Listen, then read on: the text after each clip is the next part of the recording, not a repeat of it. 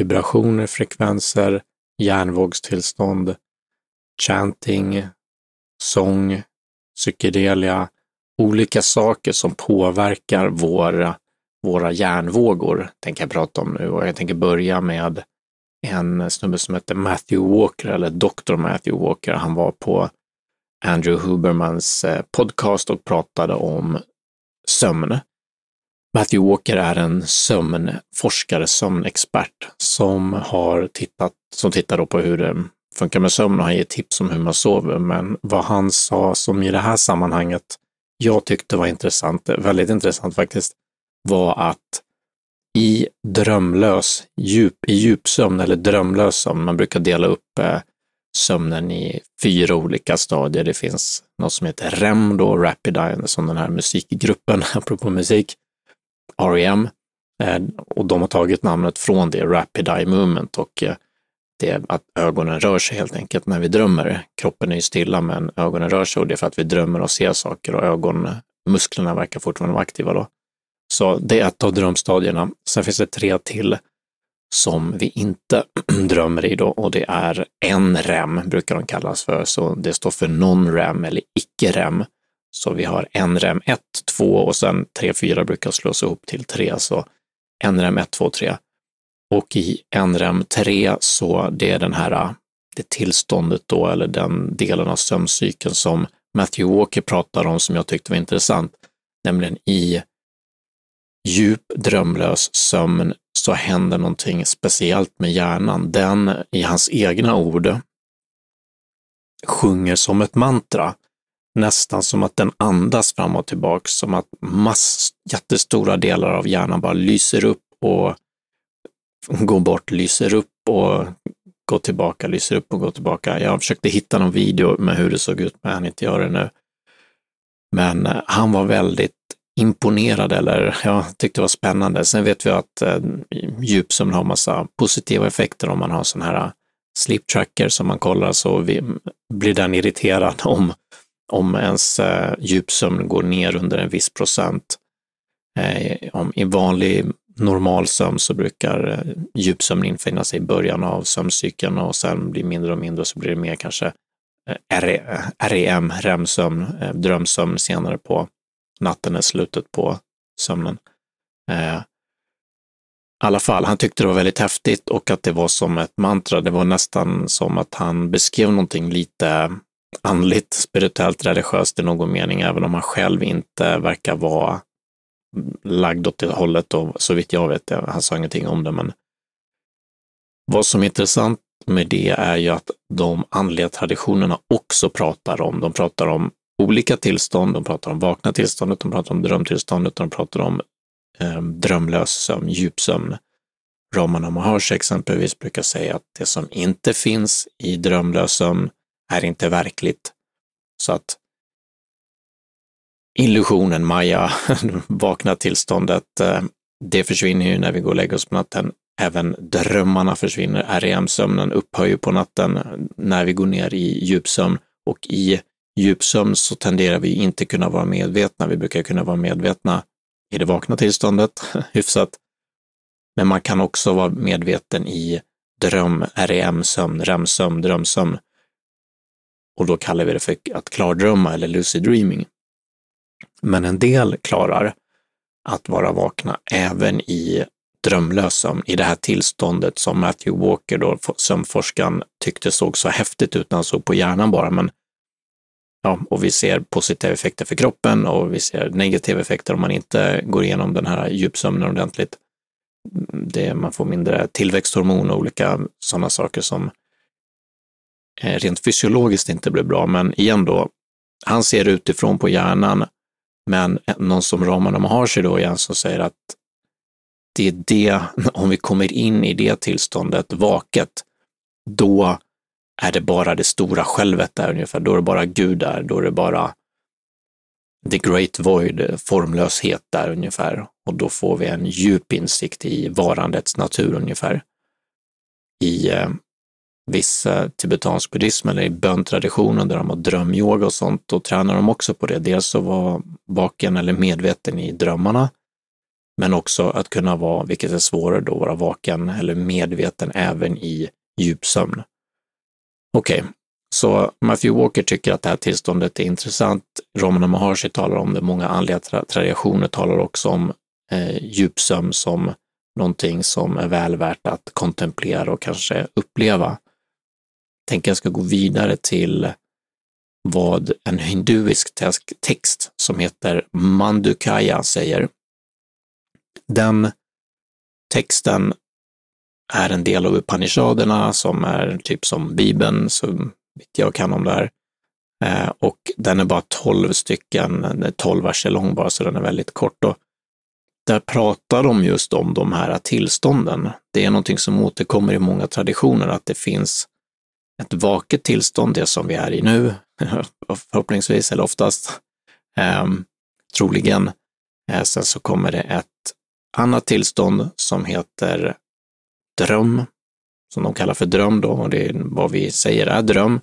Och sen så finns djupsömn då, där vi inte drömmer. Och sen pratar de vet, om ett, även om ett fjärde tillstånd som går bortom det, det kallas för det fjärde tillståndet. Det kan man säga, ja, de kallar det för turja, betyder typ det fjärde tillståndet och det går bortom de här tillstånden och kan ses som ett eh, vittnet eller att vittnet kollapsar in i varandet och det blir ett, icke, ett slags icke-dualt eh, tillstånd.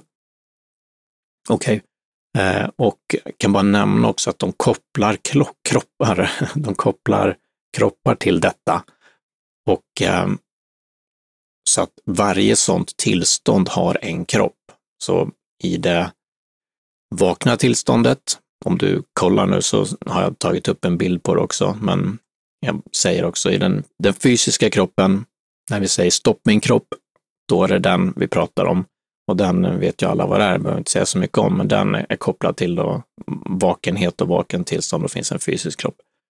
Sen i den, vad de kallar för den subtila delen, i den eh, subtila kroppen, då har vi subtila energier, vi har astralkroppen, vi har energier, kunalini, prana, chi. Man skulle kunna prata om när vi gör eh, out of body experiences, då är vi den. Själen kanske man skulle lägga in i den också, beroende på hur man ser det. Men de lägger även in eh, vissa känslor och eh, intuition exempelvis, att det är någonting som vi hämtar ifrån eller det som det är förknippat med den här eh, mer subtila kroppen som då är kopplat till drömmar drömsömn. Men såklart att vi kan ha tillgång till det även i vaket tillstånd, intuition och eh, de här energierna. Men det finns i den mer subtila världen som ett både tillstånd och att det finns då en kropp kopplad till det. Astralkroppen kanske, skulle man kunna säga. Den tredje, det tredje tillståndet är ju igen då det här djupsömn. Och det kallar de för det kausala tillståndet och som också har en kropp, då, den kausala kroppen. Kausala eftersom att det är den som har kausaliteten orsakar helt enkelt de andra. Det är den första kropparna i inkarnationen. Så från att, att gå från, ska man säga, man kan tänka sig gå från rent medvetande eller gå från Gud eller från Brahman eller någonting in i någon typ av inkarnation då, då är den första den kausala då, eh, från djupsömn. Nästkommande är den subtila då, kroppen eller själen eller astralkroppen och energier och sånt som är kopplat till det. Och sen den tredje då, den fysiska kroppen som vi, ja, alla vet vad det är såklart. I alla fall, så de tre kropparna finns, de tre tillstånden finns och de beskrivs i den här mm, många hundra år gamla texten. Och de är tillstånd då som också är förenat med frekvenser som vi ska komma till och vibrationer. Eh, för att göra den kopplingen tydlig. I alla fall så den här eh, Mandukaya eh, från Upanishaderna börjar så här, jag ska inte läsa hela, men det, den, den första versen går så här. This syllable aum is verily all this. Så den här, this syllable aum. Ibland så skrivs det AUM, så som jag sa det nu, eller OM, OM. Det är ett mantra eller ett ord eller vad man nu ska säga som har en, eh, det är ungefär som Gud i eh, kristendomen. Det beskrivs som att i den här texten nu, att det är allt som det här är. Den här världen just nu är Aum. Det är världens ljud i någon mening. De menade att Aum skapar världen, den ljudvibrationen skapar världen och världen skapades genom en, en vibration. Jag kommer spontant att tänka på också strängteorin för att göra en koppling till en, en viss typ av vetenskap. Den är ju inte bevisad eller så, men var ju populär för ett antal år sedan. Den säger att världen består av små, små strängar. Det är ingen som har hittat dem där, men matematiskt så går det ut liksom att folk har kunnat eh, räkna fram det. Att det är små, små strängar som då vibrerar på olika sätt och det skapar världen. På samma sätt, och vi ska komma till det, vad de här vibrationerna, de här hertzen som hjärnan är inne på i de här olika tillstånden. Men det är intressant bara att aum, den vibrationen, det ljudet, eh, det mantrat, den frekvensen skapar världen och det här är Aum då, säger de. Det står vidare här att eh, This is the explanation about Aum.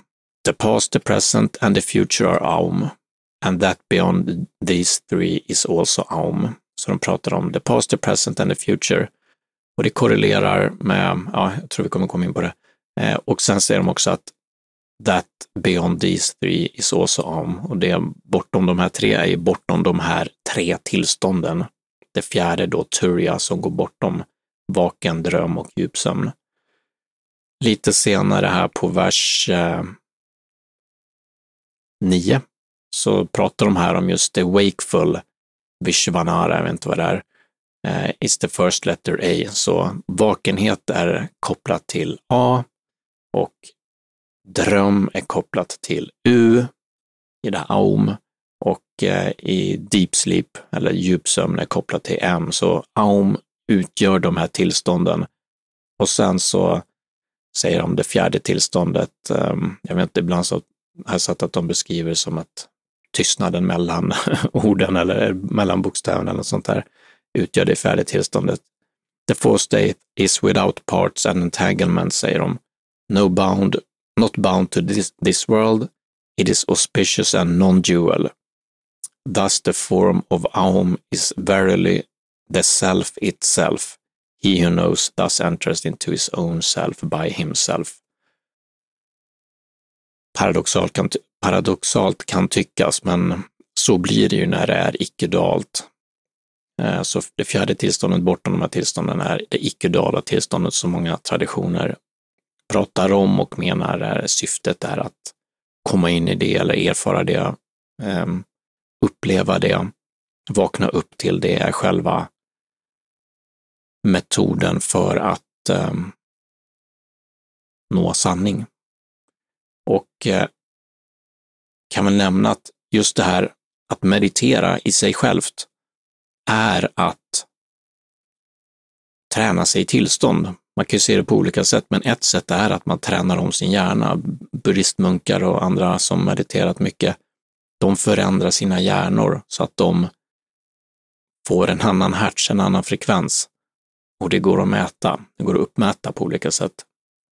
Jag tänkte vi skulle lyssna en gång på aum-ljudet för att se hur det låter och vi kommer lyssna på det i någonting annat som finns med frekvenser och hertz och sådant, nämligen i solfeggio-toner. Det blir massa ord här, så man behöver inte lägga, komma ihåg någonting, men kan bara nämna att solfeggio är ja, olika typer av toner som man tror, vissa tror har en del positiva effekter och man tror exempelvis att eh, frekvensen 528 hertz, eh, här kallar de det för the love frequency, är Eh, ja, det står här att John Lennons Imagine skrevs i den hertzen.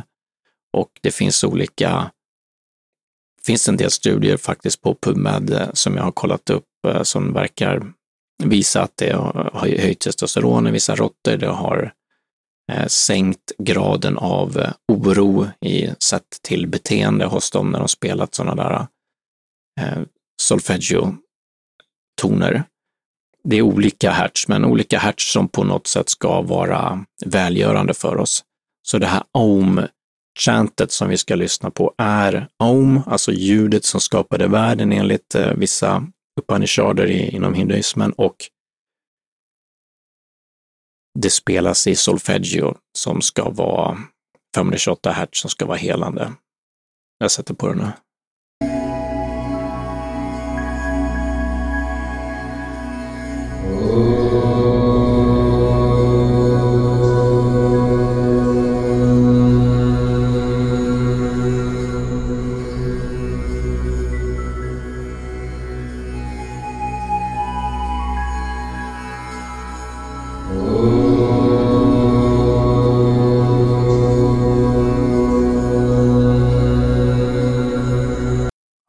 Låter det. Någon som skojar till det här i kommentarsfältet ser jag på den här videon som skriver OM mellanslag G, alltså OMG. OM eh, G. Ja, det var lite skoj. Om man kollar på det här på Spotify eller på Youtube eller någonting så är det också en bild på OM-tecknet. Det har ett eh, en karaktäristiskt eh, tecken som är kanske, ja, det är väl likt kristendomens eh, kors, inte exakt i sitt utseende, men betydelsen är densamma. Eller i termer av att vara den viktigaste, det viktigaste tecknet eh, i kristendomen, eh, korset, och i hinduismen, om man så vill, så är det om-tecknet. Så lät det i alla fall. Och kan gå vidare faktiskt och säga bara att frekvensen som omljudet gör har man kunnat återskapa med, eh, alltså varje ljud skapar ju en viss typ av vibration och den går att visualisera på olika sätt. Jag vet inte exakt hur de eh, gör det, men de använder någon typ av eh, tonoscope som det heter och eh, där kan de se ljudvågorna. Och det är lite häftigt för ett ljud är ju ett ljud så vi hör det så vi får en en inre upplevelse av det. Men här har de tagit det ljudet, om-ljudet, och gjort ett så kallat jantra av det. Ett jantra är en typ av bild då, eh, som, eh, ja, det är lite trianglar och eh, man kan, om någon skulle titta på det kanske man skulle säga att det ser ut som en mandala ungefär och det ser lite grann ut som det, men det är ett, eh, till skillnad från ett mandala så är det mer en typ biometriska former jag tänker spontant på fraktaler när jag ser på det. Fraktaler är sådana här återkommande mönster, ja, som är matematiska, alltså där man typ, hur ska man förklara det, zoomar in så är det, säger man recurring patterns, det blir samma sak om och om igen och det finns rätt eh, häftiga videos på Youtube om man söker på så här mandelbrott, eh, fraktaler exempelvis. Så får man upp dem Eh, och kan se det. Eh, men det här då, omljudet göras, alltså, skapar alltså en bild som är, eh, så som jag förstår det här jantrat, som man kan använda och ha som en, ja, använda som en mandel, och man kan titta på den och man kan chanta och sådär.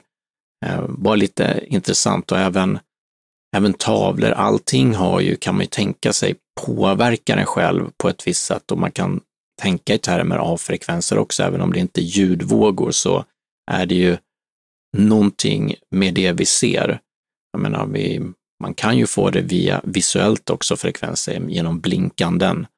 Om det blinkar på ett visst sätt, och jag kan tänka mig som en strob för en epileptiker är inte bra, för hjärnan börjar eh, ska man säga, få samma typ av hertz. Jag vet inte exakt vad som händer för en epileptiker när de får ett anfall, men strob, strob kan påverka. Och eh, om vi tar transmusik är ju också ett, eh, apropå det här med frekvenser, och trans, trans är ju ett uttryck för att vara i ett annat tillstånd, nämligen transtillstånd.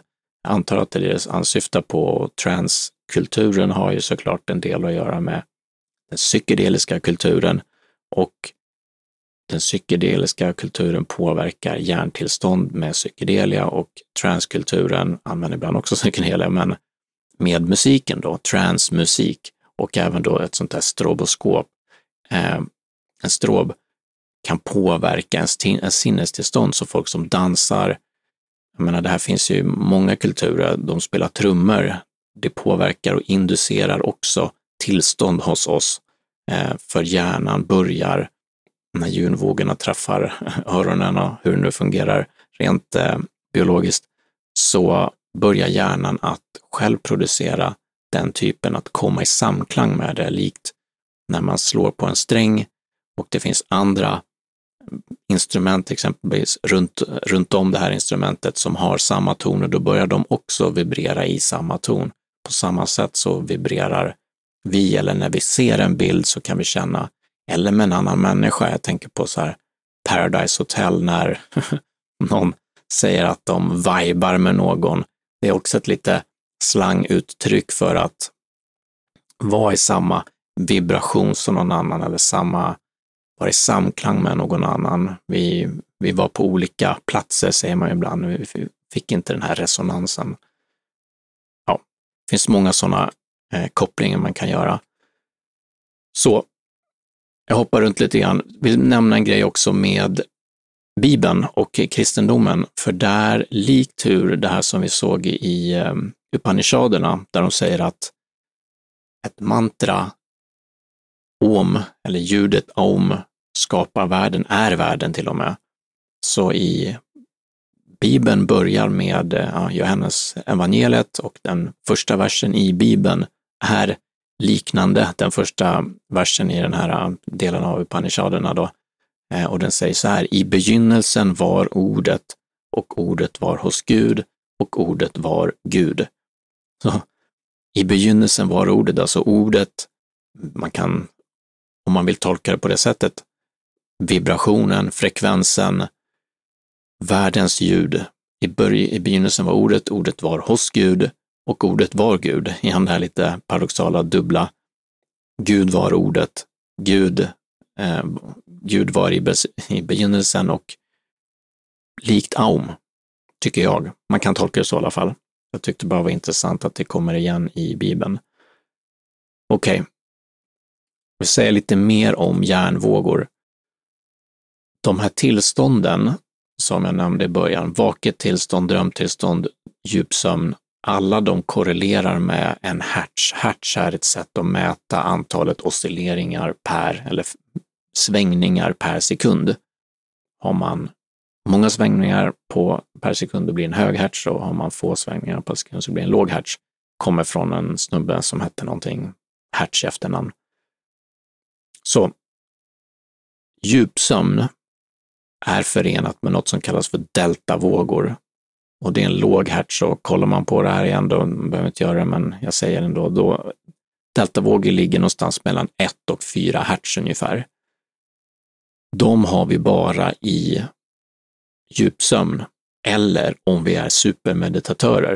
Det finns en kille som heter Ken Wilber, en mystiker. Det finns en video på honom på Youtube när han är uppkopplad mot en, vad som kallas för EEG. Det betyder en eh, elektroencefalograf. Det är en typ av maskin som man kan koppla upp mot skalpen, mot huvudet och på så sätt läsa av hjärnvågorna. Det är så man vet hur, hur hjärnan, hjärnan, eller delar av hjärnan, det finns olika delar av hjärnan som kan oscillera lite på olika sätt. Men grovt då så kan man se då att någon som Ken Wilber som har mediterat supermycket, 10, 20, 30, 40 000 timmar och andra sådana där supermeditatörer, de kan gå in i sådana tillstånd där de får jättehöga vågor eller höga deltavågor fast de är vakna. De kan göra det medvetet. Jag menar, vi får alla deltavågor varje dygn om vi sover i princip, om vi har djupsömn. Men det är inte medvetet. Vi skapar inte det på det sättet. Det, det är omedvetet. Man sover. Men han kan alltså skapa det och med det kommer också ganska häftiga upplevelser, för som den här eh, Matthew Walker som jag pratade med i början sa, så är det otroligt speciellt, speciella saker som händer i, djupsömn. Nu är det inte djupsömn som kan Wilber är inne i här, men han får någonting liknande med att han får de här deltavågorna fast han är i vaket tillstånd. Okej. Okay.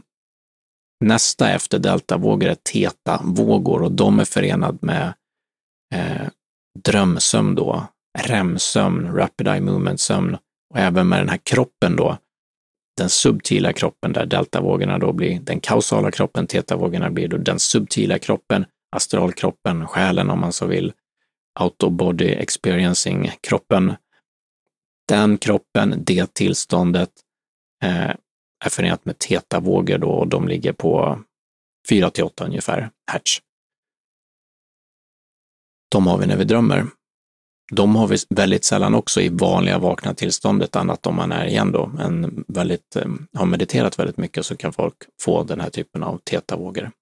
Vidare så har vi alfavågor som ligger på kring 8 till 13 hertz och det är sånt som man, eh, de flesta av oss kan hamna i om vi mediterar. Det är ett lite mer avslappnat eh, tillstånd kan man säga. Sen har vi betavågor, det är det som vi är i nu mest av tiden, större delen av tiden på dagarna när vi vaknar, i det vakna tillståndet. Den fysiska kroppen, det grows, ehm, body growth state kallar de det ofta i, inom hinduismen. Och det är betavågor då.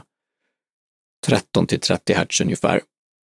Sen finns det ännu högre då, till och med, eh, som heter gammavågor som ligger på någonting kring 30 hertz och det finns hypergamma till och med som går ännu högre och det finns till och med något som heter labda eh, som ligger på så 100 till 200 hertz. Så de här högre, gamma, hypergamma, lambda, de ser man också väldigt sällan annat än hos de här meditatörerna som mediterat väldigt mycket. Och där ser vi också bara, värt att göra notering, att de som mediterat väldigt mycket kan försättas till olika tillstånd och därmed uppleva andra saker. För vi, när vi drömmer vad heter det, Sigmund Freud brukar säga att dreams are the royal road to the unconscious. Så i våra drömmar så kommer annan information upp, annan information upp, annat innehåll kommer upp. Och um, ska återkomma till det sen, men psykedelia kan många gånger ses som en vaken dröm, åtminstone ehm, de som tagit DMT eller dimetyltryptamin eller ayahuasca. För att då ser vi också hur de här tetavågorna och deltanivåerna kommer upp, eller hjärnan börjar oscillera med de frekvenserna en hel del och medan eh, beta och alfa går ner då och minskar jämfört med hur det var innan. Och så säger folk rent upplevelsemässigt också att det är som att eh, drömma vaken. Om man får tillgång till, och, och det kan vara både härligt eh, och befriande och vackert, också extremt eh, jobbigt eh, eftersom det kommer upp saker som vi annat, annars kunnat trycka bort ungefär. Det omedvetna kommer upp då. Okej. Okay. Det finns också, um, kan bara nämna en, en vad heter det, våg som faktiskt är ännu långsammare än deltavågor som kallas för epsilon och det är 0,1 till 0,5 hertz som igen då man, jag tror man ser den väldigt sällan. Men vad som också är lite kul är att alla de här hjärnvågorna kan vi inducera på olika sätt. Inte bara med, eh, vad heter det, psykedelia, utan med meditation då exempelvis. Det tar rätt mycket träning och meditation för att kunna generera den typen av hjärnvågor, men det finns också andra sätt som vad man brukar kalla för brainwave entrainment eller binaural beats. Det är likt, jag nämnde trummor, som inom vissa schamanska traditioner. Vi har transmusik, inom eh, eh, i västerländsk eh, musikkultur. Och, och vi har också då, har de upptäckt att något, det finns något som heter binaural beats och bi för att det är två, så att man har egentligen två toner som man behöver då lyssna med hörlurar för att de är olika. Det kan vara en som är på 400 och en som är på 405 hertz då igen. Och den här mellanskillnaden, eller skillnaden mellan de här två tonerna som örat då snappar upp, skap, så skapar hjärnan en egen ton och den är då på 5 hertz, den här skillnaden, och det är då som vi lärde oss förenat med tetavågor. Och då får vi mer tetavågor. Det betyder inte att vi hamnar i en vaken dröm bara för att vi får lite mer tetavågor, men vårt sinnestillstånd kan bli något förändrat ändå och vi har lite mer tetavågor och vi kan se hur det är. Och sådana grejer kan man lyssna på på Youtube. Det är bara att söka på Theta Waves eller Theta Brain Waves eller på um, Spotify kanske bättre om man betalar för den tjänsten redan eftersom då får man inte reklam mitt i. Så uh, sånt finns på Youtube, bara söka på binaural beats. Det finns andra typer av uh, liknande toner som kallas för isochronic tones eller isokroniska och monaural tones. De har lite olika effekt och fungerar lite olika bra för olika personer, så det får man bara prova sig fram. Igen tycker jag med allt sånt här, energier, all, psykoterapi, all typ av arbete, allting man gör i livet överhuvudtaget vill man ju ska vibrera med där man är eller var man vill åtminstone.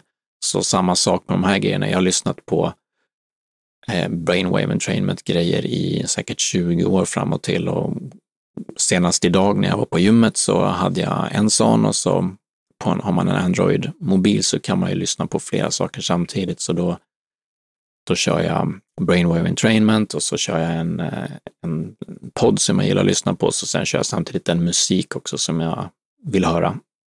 För tre, tre saker där samtidigt som jag tränar. Så gillar jag att göra ibland. Ibland kan jag tycka att det blir mycket och jag förstår att det blir kanske overkill för många. Eh, men möjligheten finns i alla fall. Och eh, det som är bra med, med att eh, det är portabelt nu, mobilen, man kan ta det vad som helst och man kan lyssna på tunnelbanan eller man är ute och går eller något sånt där.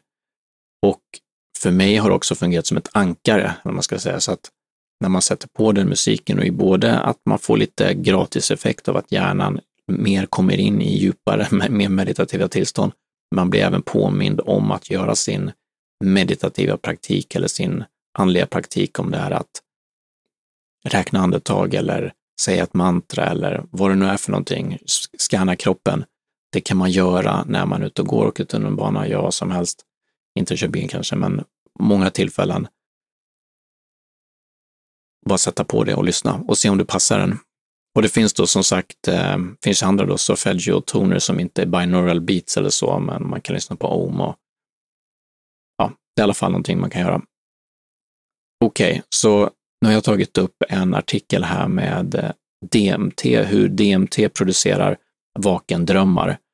En studie då där de, där de har kopplat upp försökspersoner mot sån här EEG igen då, en elektroencefalograf, där man kan mäta i vilken utsträckning olika delar av hjärnan, olika hjärnregioner producerar de här eh, oscilleringarna, den här hertzen. Det här delta, teta, alfabet och så. Och vad de såg då var det som jag nämnde tidigare, att det verkar skilja sig lite grann. Först att DMT, dimetyltryptamin, den här eh, en och två substanser som finns i ayahuasca, verkar inte eh, likna riktigt psilocybin och eh, LSD i vad det gäller hjärnaktivitet. Det verkar, de verkar vara lika på, eh, på andra sätt i hur de fungerar i hjärnan, men vad det gäller de här eh, järnvågorna hjärnvågorna så verkar det skilja sig något åt. I alla fall, så vad de såg var att eh, en kollaps av alfa och beta vågor i början alfa och beta är som sagt mer förknippat med det vakna tillståndet då. Och sen så såg man en eh, rapid increase in delta and theta brainwave activity. Så att delta och theta oscilleringarna, hertzen, hjärnvågorna ökade när folk tog DMT och det ändå förklarar ju varför folk beskriver att de har de här upplevelserna av att de drömmer fast de är vakna. Så det är ett väldigt, ska man säga, eh, utmanande och kraftfullt sätt att förändra sin hjärnas eller sin vibration till någonting annat, någonting som blir mer, eh, mer åt drömhållet, mer teta och deltavågor. Jag Tänker vi ska lyssna också för musik är ju någonting, det är ju också ljudvågor såklart och vad den kille som heter eh, Robin Carhart Harris en som forskar mycket på psykedelia, han sa i en podd som jag hörde nyligen just det, att det är lite intressant att all psykedelisk terapi, så vitt han vet i alla fall, använder musik. De använder ofta klassisk musik och mm, typ mm, citattecken vackra låtar och det har väldiga effekter. Det verkar som att musik, när människor går in i de här och har mer av de här vissa frekvenser eh, i sin hjärnan, mer av vissa hjärnvågor, så påverkar musiken dem mycket, mycket mer jämfört med i det vanliga, normala vakna tillståndet. Så i all psykedelisk terapi använder de massa musik, vilket är intressant. På samma sätt så de urbefolkningarna som Shipibo-folket i Peru som håller på med ayahuasca då, som jag nämnde, de gör också det. De spelar inte klassisk musik, men de sjunger så kallade ikaros och det är sånger som de har fått, säger de själva, när de gått på vad som kallas för dietas. De går ut i skogen och tar ayahuasca hur mycket som helst i månader och år ibland. Och till slut har de lär ju låtarna av varandra, men de menar också att de får sånger från plantorna när de går igenom de här, ah, den här dietan då och eh, tar ayahuasca över stor, lång tid ute i, i djungeln. Och sen sjunger de växternas eller plantornas sånger under ceremonierna och de verkar, verkar verka synergiskt med drogen då, eller den psykedeliska substansen ayahuasca. Jag tänkte vi, vi lyssnar på hur det låter också lite kort eh, när de, de här Shipibo-folket sjunger.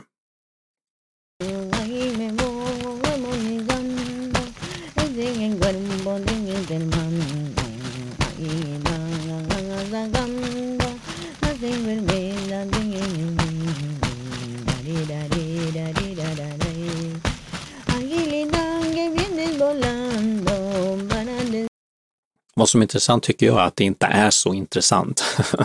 det låter inte så speciellt. Det låter som någon som jag vet inte hur andra upplever, men om jag skulle höra det här bara så skulle jag inte tänka oj, det här. Men om man läser eh, bara första kommentaren här på den här videon så säger en, någon person här att did a mushroom trip listening to this. She kept me company eh, through the dark parts and carried me into absolute bliss with her incredible voice det är spännande tycker jag, för hur de här sångerna, hur den här musiken är så, blir så väldigt mycket annorlunda. Det är väl, jag menar, även om folk inte taget kan relatera till det med, med psykedelia, så om alkohol är ju en vanlig drog i, i, i Sverige om inte annat, hur många människor kan uppleva att någonting är på ett visst sätt när de är i tillståndet de hamnat i av att dricka alkohol. Antingen att de är jättearga eller att de är jätteledsna eller jätteglada. Eller att någonting är så här helt otroligt, någonting är så himla super och sen nästa dag när de eh, så att säga eh, nyktrar till så säger de, ja men hur kunde jag tänka mig att jag skulle göra det där och eh, massa planer och eller varför blev jag så arg, vad pinsamt eller sådär. Det är också ett exempel på eh, bara hur tillstånd kan göra att vi upplever saker väldigt annorlunda.